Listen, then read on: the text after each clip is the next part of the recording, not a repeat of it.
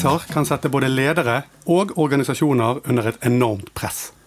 Kravene til god ledelse øker, og forventningene til lederne blir større. Så på hvilken måte leder man best i en tid hvor vi blir kraftig utfordret på det etablerte og det vante? Og hvordan kan en lede både i den akutte fasen og samtidig tenke strategisk mot den tiden som kommer etter krisen? For å prate om ledelse i krisetid, så har jeg fått besøk av eh, daglig leder i konsulentselskapet Storform, Svein Hjortøy. Velkommen skal du være. Takk for det. Mitt navn er Cato Lorentz, og du hører på På jobben. Podkasten som tar for seg det meste av det som skjer på en arbeidsplass. Ja, velkommen, Svein. Takk for det. Veldig, veldig hyggelig å ha deg i studio. Hyggelig å være her. Vi skal, vi skal få lov å prate om eh, ledelse den, eh, ja, kanskje den neste halvtimen. Alt ettersom hvor mye, hvor mye vi har på hjertet. Eh, jeg sier innledningsvis du er daglig leder i Storform, som er et konsulentselskap. Du har også det jeg ikke sa, er at du har 15 års erfaring som rådgiver innen strategi, innen ledelse og innen kommunikasjon. Og du har vært leder i, i andre virksomheter eh, i dine yngre dager. Mm. så, eh, så, jeg tror jeg har en god og kompetent og mann med mye kunnskap og mye erfaring i studio. Og da, eh, da spør jeg deg litt stort aller først. Hva er det mest utfordrende med å lede i krisetider? Ja, det det er et uh, spennende spørsmål. Uh, og jeg tror det at uh, det som er kanskje den største utfordringen, det er at vi mennesker opplever krisetilstand og krisesituasjoner veldig ulikt. og som leder så er vi jo egentlig ganske godt forberedt på hvordan vi driver virksomhetene våre, hvordan vi organiserer arbeidsprosesser. Hele organisasjonsfaget handler jo egentlig om det. Men det som uh, kjennetegner krisene, det er jo, det er jo nettopp uh, annerledesheten. De raske endringene. Uh, og jeg tror kanskje at det som Og lederrollen da, i, i en krise blir jo helt sentral. For er det ett sted alle medarbeidere snur seg til, så er det til ledelsen og til lederen. Ehm, og det ehm, det er ikke alle ledere like godt forberedt på, og det er ikke så lett å være forberedt på det.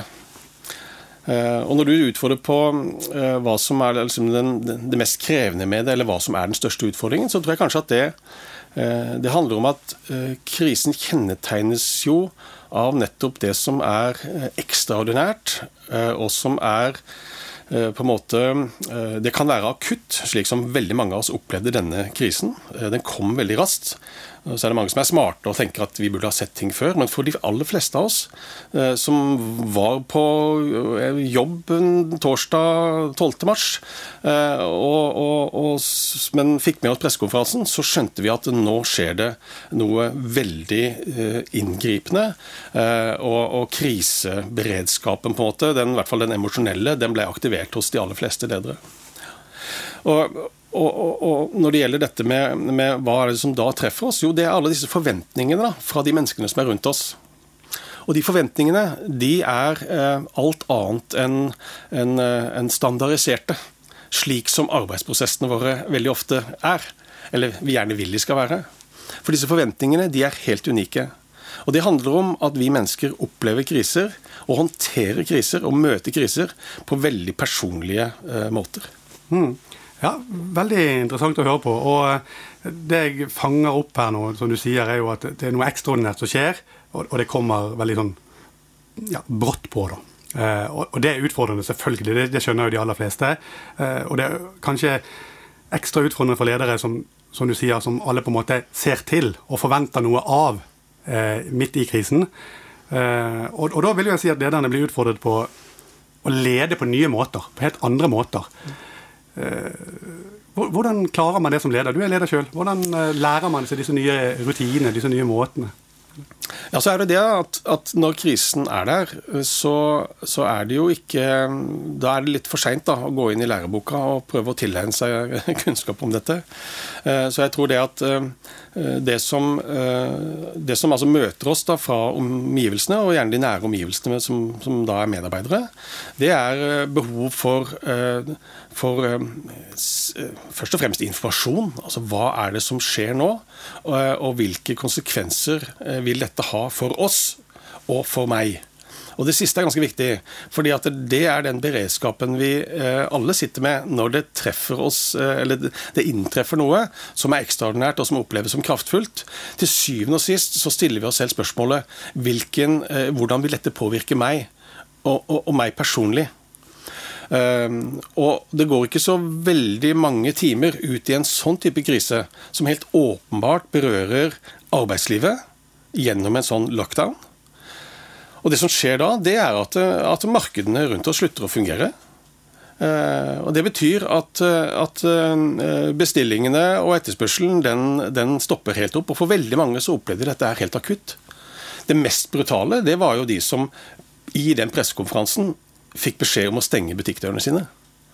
Uh, jo mer, altså, mer plutselig kan du nesten ikke oppleve det. Og det som skjer da, altså Frisørene i den salongen da, de skjønner jo da med en gang at i morgen så har jeg ikke jobb. Og da kommer spørsmålet eh, hvilke, hva betyr det for meg? Absolutt. Eh, du, du snakker litt om ja, vi, vi, kommer til å snakke litt om disse fasene, for jeg er litt opptatt av det. En ting er når, den, eh, når det skjer. Så, så, er det ganske mange ting som skal falle på plass. Det er nytt for veldig mange. Noen har jobb, noen har, står uten jobb. Noen må gjøre andre ting. Det, det, det skjer veldig mye akkurat når det, når det bryter ut. Så, så, jeg har lyst til å spørre deg litt nå i forhold til det å lede i selve krisen. Når krisen pågår, når vi er i gang, gjerne de første ukene, de første to ukene. Hvordan bør en leder eh, som har ansatte, da, som, som, sitter på hjemmekontor f.eks., eller eh, hvor som helst, hvordan bør de på en måte møte sine ansatte sånn at de får de mest ut av det, sånn at de blir mest effektive når de faktisk kjemper med en del andre ting som frykt og usikkerhet og, og det, du snakker om?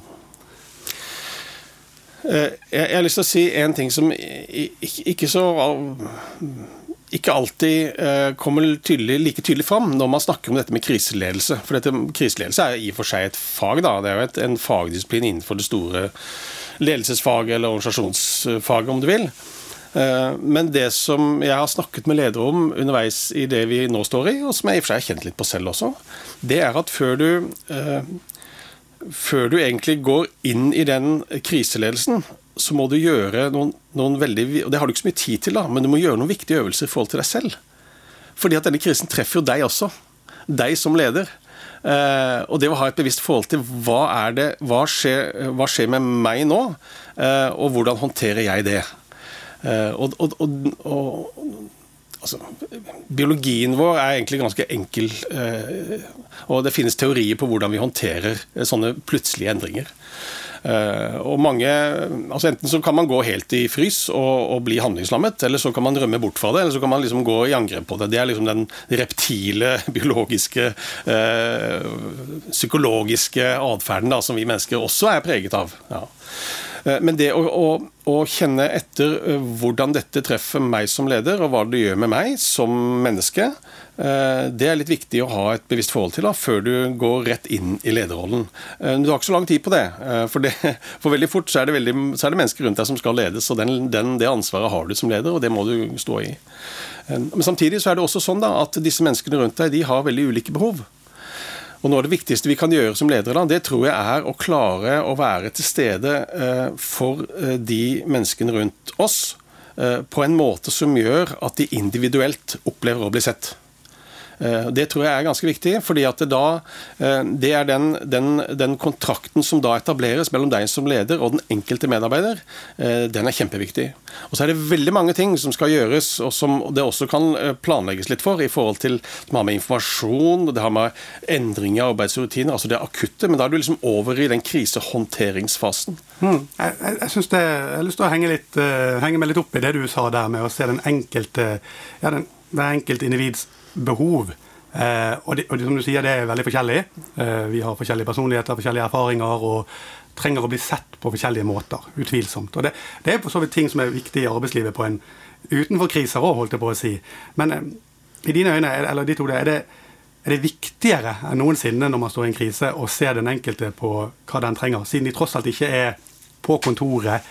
Eh, du kan ikke gå bort og prate med dem, du er rett og slett avhengig av andre kanaler. Er det viktigere i krise? Ja, altså, altså det, det, er i hvert fall veldig veldig viktig. Eh, og, og det er klart at, at når, når, mennesker opplever utrygghet og frykt, ja, da er det ekstra viktig. Eh, så det det er også, Eh, jeg har lyst til å legge til en, en, dimensjon rundt dette, da, som handler om at vi står altså Du og jeg sitter her i, eh, som, som deltaker i et norsk arbeidsliv. Eh, og, og, vi har altså noen rammer rundt arbeidslivet vårt som handler om eh, arbeidsgivers styringsrett, men også arbeidsgivers omsorgsplikt. Eh, og i, i, den omsorgsplikten så, så ligger det faktisk en forventning Eh, som medarbeidere skal ha til at de blir sett som hele mennesker. Og hele mennesker i en sånn krisesituasjon handler om å også bli sett og bli møtt på det som man kjenner på av utrygghet og frykt. Men ok, da, eh, jeg, jeg er jo, Det er vanskelig å være uenig med deg her. Eh, jeg er veldig enig, og det høres veldig riktig ut. Men for veldig mange av våre lyttere og for meg og sånn, så, så er jo lederne forskjellige, og de har forskjellige egenskaper. De egenskapene du trekker litt frem nå, i hvert fall, som er veldig viktig i en sånn fase, er jo det å kunne se andre mennesker. Eh, og da må du kjenne dine medarbeidere godt. Du må være oppriktig interessert i de. Eh, og det har vi snakket mye om i denne podkasten før, hvor viktig det er. Hvordan gjør man det da, når man eh, har den fysiske avstanden? Når man sjøl er preget av frykt og usikkerhet sikkert som leder? Hvordan ser man best sine ansatte da? Er det hyppig kontakt, telefoner? Har du noen råd og tips der? Jeg tror i hvert fall det er viktig at vi anerkjenner at rammebetingelsene for den type dialog og den type samspill mellom ledere og medarbeidere er svakere og dårligere eh, i den tiden vi er i nå. I, I, alle fall har vi tenkt det da, når vi gikk inn i det. Fordi at det å bare forholde seg til digital, digital kommunikasjon har vi opplevd som, som, som krevende og som litt fremmed. Eh, så har Norge har jo hatt en eh, læringskurve som har vært helt fantastisk da, på digital kommunikasjon gjennom denne tiden. Så det, det, ligger nok noen læring og noen erfaringer på at oi, dette var jo egentlig ikke vanskelig, og til og med ga oss noen fordeler. Fordi vi var kanskje på noen måter enda mer tilgjengelige for hverandre. Men tilgjengeligheten eh, er en ting, og en, en viktig eh, en, en, viktig ting for en leder og, eller, eller, for medarbeidere å oppleve at lederen er tilgjengelig. Men den tilgjengeligheten, det, det, handler ikke om å Du må bare ringe når du trenger meg. Eh, det er ikke nok altså i en sånn eh, situasjon. Du må faktisk være proaktiv. Du må være oppsøkende som leder. Eh, og, og det kan være krevende, fordi det, det er både tidkrevende og alt det vi snakker om nå, som handler om å håndtere folk og medarbeidere, som vi alltid i norsk arbeidsliv har anerkjent som ekstremt viktig, men du må også huske på at de lederne vi snakker om i, i en sånn akutt situasjon, de skal håndtere noe annet også, som, som, egentlig, hvis du da snur deg oppover, da, i forhold til et styre og noen eiere, ikke sant? Eh, altså selve butikken din, den må håndteres. ja. Uh, og da er det det som, er, som veldig mange har kjent på som et, som et, uh, som et uh, brutal, brutalt alvor i en sånn krisetid, det er jo noe så banalt som likviditet, og at vi har klarer å betale lønn, eller i det minste feriepengene våre. Og, og så, det at, man faktisk får kontroll på butikken. Når, når, dette inntreffer. Det skal jo lederen håndtere parallelt med dette. Absolutt. og, og sånn som jeg ofte ser det, er jo at disse tingene henger sammen nå. Eh, det går vel gjerne bra med butikken når eh, du tar vare på dine ansatte, som tross alt kanskje skaper den eh, Sørger for at butikken går bra. Så, så ved å se dine ansatte og på en måte betrygge de og, og, og motivere de gjennom på en måte å se de og anerkjenne det jobbet de gjør, spesielt i sånn tid, det, det speiler vel tilbake inn på bedriften og, og positive tall i regnskapet. Ja, det tror jeg. Og det er jo det vi tror på i den norske modellen. At eh, nettopp måten vi involverer medarbeidere inn i virksomheten på, eh, det er med på å altså det er faktisk uh, av noen beskrevet som, som et, den, ja, den, norske modellen, da, men at det også er et fortrinn for oss. Uh, det er mange utenlandske eiere som har vært nysgjerrige på hvorfor klarer de å skape mer butikk på den samme businessen i Norge når vi ikke får det til i andre land osv. Så, videre. så det er noen gode eksempler på det. Men jeg tror også at det har en god effekt, da, denne, nettopp denne involveringen av medarbeidere, også i en tid som vi står i nå. Fordi at da, altså, De skjønner hvordan butikken og businessen fungerer. Så, og, og, Det tror jeg er veldig viktig for lederne å ikke forsøke å pakke inn i det hele tatt, men være, ekstra, være veldig tydelig på, slik at man sikrer at både ledere og medarbeidere forstår det bildet og de realitetene som nå treffer oss, på likt. Og Gjennom det så får man en veldig Altså Da får man en forståelse eh, som er veldig verdifull. Da, og Den bekrefter på en måte den gode kontrakten som er mellom ledere og medarbeidere, også i en krisesituasjon. Ja, Interessant. Eh, absolutt. Eh, en annen ting som jeg tenker da, som eh, på en måte blir litt testet i disse tider, i denne kontrakten mellom leder og ansatt som vi snakker om, og forholdet, relasjonen leder-ansatt. Det, det, er nesten litt spennende òg, da, sett på sånn faglig synspunkt, hvordan ledere blir utfordret nå og hvordan de ansatte blir utfordret, og hvordan relasjonen deres blir utfordret. Eh, og, og, veldig ofte i denne podkasten, eh, i de episodene vi har hatt, så snakker vi veldig mye om en del begreper som går igjen. Tillit, hvor viktig det er. Eh, en annen ting er liksom autonomi, en annen, og en tredje ting er i hvor stor grad bør man kontrollere og måle sine ansatte. Og jeg tenker Dette er også ting som blir utfordret litt nå for leder. For de må, de må på mange måter gi litt slipp. De har ikke den tette kontakten. Eh, hva tenker du om det? Nettopp det at de må i større grad vise tillit, de kanskje i mindre grad kontrollere og måle på den tradisjonelle måten. Det, kan det være en lærdom for lederne der ute? Og så se ja, kanskje det fungerer bra? Ja, altså Det, det, det store sloganet i, i, ledelse i, i, eh, vår i hvert fall norske digitaliserte tidsalder, det er jo la eh, altså slipp løs-ledelse. Altså la faktisk altså Jo, oppgaven eh, og ansvaret eh, blir eh, delegert eller gitt fra seg, og så må du som leder på en måte tørre å, å, å slippe taket, slik at, og stole på at, at faktisk ting skjer. Men det betyr jo ikke i andre enden av skalaen, altså laissez-faire-ledelse, hvor du bare skal la det skure. Det skal du ikke. Så det å følge opp Men jeg liker jo jeg liker oppfølgingsbegrepet da, mye mer enn kontrollbegrepet. Eh, og oppfølging vet du, det handler jo vel så mye om å gjøre seg selv tilgjengelig for eh, du, eh, Hvordan står det til med det nå? I hvilken grad trenger du meg? Ikke sant? Hvordan kan jeg støtte deg for at vi skal nå en eller annen milepæl, osv. Mm. Ja, og, og, og, jeg er helt enig med det. Og så tenker jeg Er det naivt av meg å tenke at ledere nå kan på en måte få testet seg mer på nettopp det at oppfølging funker kontra kontroll? Jeg må gi litt mer tillit, siden jeg ikke har den uh, muligheten til å se mine ansatte hele tiden. Det, det, utfordrer lederne litt, og så gir de vel kanskje noen svar på lengre sikt. Uh, eller er det rett og slett sånn at vi går tilbake igjen til det vante når, uh, når krisen er over? Ja, Det er jo interessant, da, hva som eventuelt blir en ny normalitet. Så, så tror ikke jeg egentlig at vi går inn i denne krisen fra et regime hvor vi er så veldig kontrollerende. Jeg tror langt på vei at uh, den utviklingen, og i hvert fall innenfor moderne ledelse, så, så, så har vi nok skjønt fordi at du vet, uh, presset på på forbedring og endring og hastighet og utvikling har vært så vidt stort i allerede en del år. Slik at de lederne som fortsatt tror at de kan lede gjennom å kontrollere og sekundere, de er det færre og færre igjen av. Men samtidig så tror jeg nok at det vi har opplevd nå, eh, gjennom eh, det å, å, å, samhandle stort sett via eh, Eller mellom hjemmekontorene og, og, og på digitale plattformer, så, så, utfordrer det ledelse eh, helt klart på, på Eh, på mange måter. Eh, et begrep som er kommet opp nå, eh, jeg ser det er noen webinarer om begrepet fjernledelse. Hva nå enn det er, men, men, det handler i hvert fall om at, å lede på distanse. da, Og det tror jeg nok vi har fått testet, i hvert fall vi har fått testet verktøyene og, og, og hvordan vi kan klare å håndtere det på rekordfart da, inn i denne krisen. Ja, det blir spennende å se hvordan dette hva det ender med. Um, nå skal jeg sitere noen. Jeg skal sitere deg. Uh, Såpass? ja, jeg skal rett og slett det. Uh, du har eh, skrevet i hvert fall at måten vi håndterer en krise på, får stor betydning for tiden etter at det verste har lagt seg.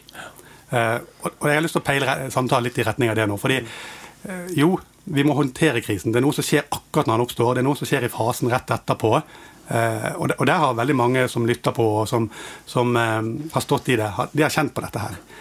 Men jeg er veldig så interessert i å vite hva, hva skjer nå når vi skal tilbake igjen. Sakte, men sikkert nå så er det flere som kommer tilbake i sin, jobben sin. Flere kommer tilbake på kontoret sitt. Noen har fått en dato om at de skal tilbake. Um, I det så ligger det også veldig mye sånn Vi skal tilbake til noe. Og, og, hva er igjen av den arbeidsplassen vi kommer igjen i? Hvem er kollegaene mine? Hva oppgaver skal jeg gjøre? Skal jeg gjøre noe annerledes enn det jeg har gjort før? Uh, hva med denne frykten for viruset som på en måte truer oss ennå, og som skremmer oss ennå? Eh, for mange er det åpne kontorlandskaper som er, de er bekymret for. Vi, vi har nok av frykt, vi har nok av usikkerhet. Og vi er kanskje til og med litt slitne etter det vi har lært, det vi har vært igjennom. Hvordan skal man planlegge som leder, da? Eh, mot det som faktisk kommer, det vi skal tilbake igjen til? Det er et vanskelig spørsmål. Det er et vanskelig spørsmål. Uh, men, men, viktig, kanskje? Men det er kjempeviktig. Uh, og, og, og, det er klart um, Når jeg formulerte meg som jeg gjorde også i det du henviste til, så så mener jeg jo faktisk det at uh, måten vi håndterer dette på underveis, uh, er, ganske, er, er, veldig viktig og kan være avgjørende for hvordan uh, hvordan virkeligheten, eller det som blir en ny normalitet, da, vil være på andre siden. Poenget her er jo at det som har truffet oss denne gangen, det, det, er så dyptgripende, da, og det påvirker eh, eh, selvfølgelig på, Det påvirker markedene våre eh, rundt oss, slik at veldig mye av det som var forutsigbart før, det er det ikke lenger. Eh, og, og, veldig mange, eh, og selv inkludert, jeg driver en konsulentvirksomhet, og vårt hovedprodukt handler om å møte eh, grupper av mennesker i konferanserom og i mindre grupper. Altså Den sosiale samhandlingen er helt sentral i det. Så, så Fra vårt ståsted så må vi på en måte tenke, tenke nytt om hvordan vi kan lykkes med både forretningen vår og også i og for seg det, vi, det, vi, det, det som er oppdraget vårt, da, nemlig å, å dyktiggjøre eh, ledere og organisasjoner eh, til å nå målene sine.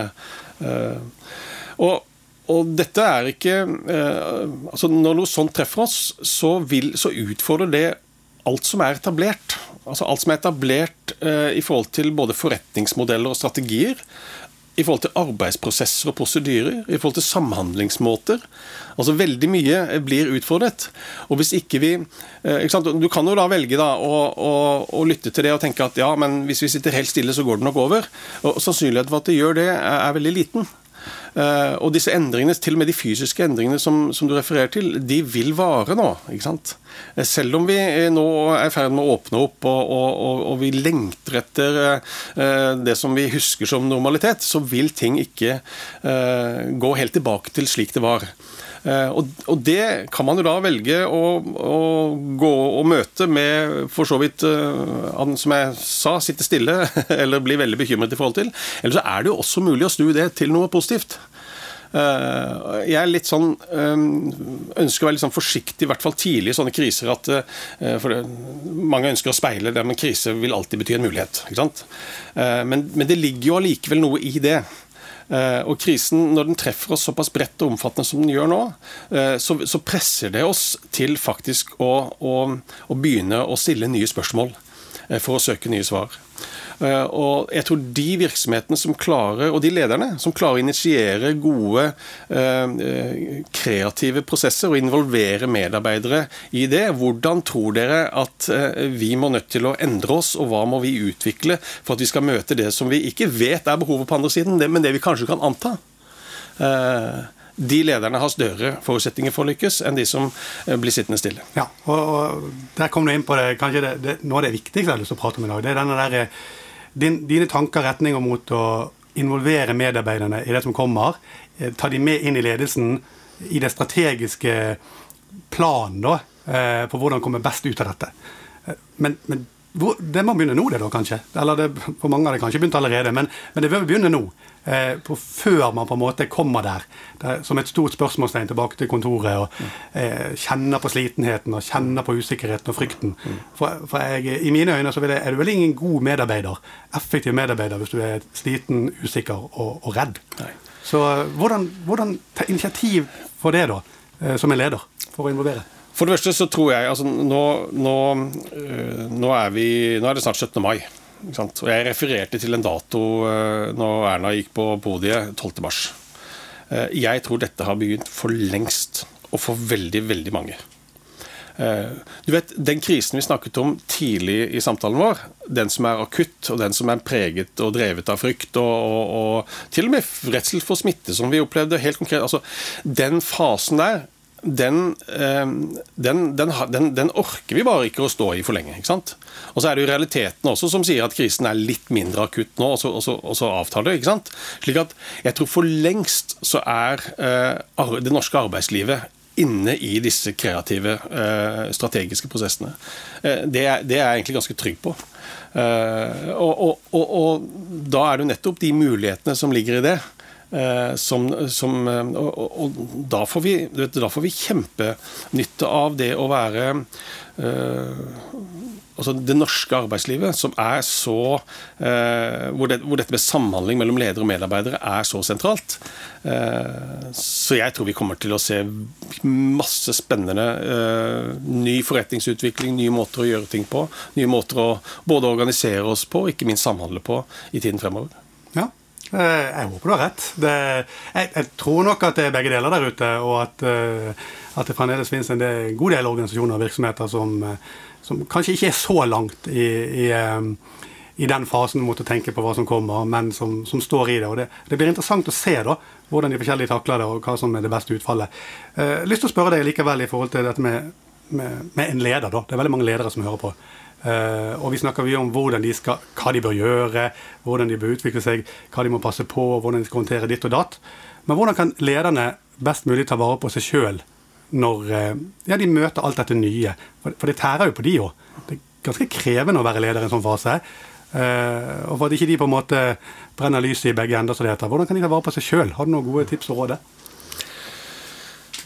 Jeg, jeg, jeg, tror vi alle trenger um, de rommene uh, hvor vi kan være helt åpne, hvor vi også kan tillate oss å både kjenne etter og allerede samtale om. Eh, og Nå kommer det et sånt eh, litt, litt uh, mykt begrep, men, men, som er veldig viktig da, for at vi mennesker skal fungere.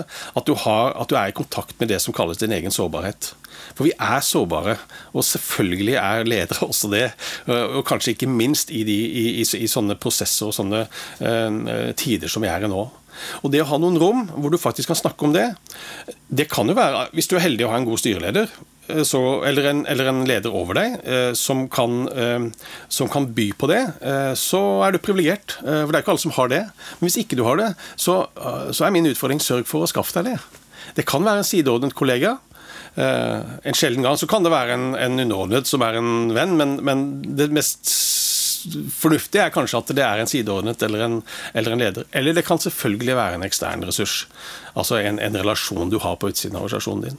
Men et sted hvor du kan faktisk eh, eh, Hvor du kan få lov til å være sentrum for en samtale. Eh, hvor noen kan utfordre deg på hvordan det faktisk står til. Hvordan går det? Og du kan sette ord på det. Det er, det er, jo like viktig for lederen som det er for medarbeideren. Og vi brukte jo mye, det, mye, mye, mye av innlinjen til denne samtalen til å snakke om viktigheten av å møte medarbeidere. Eh, en leder er også en medarbeider for noen. Og det rommet tror jeg det er veldig viktig å gå inn i.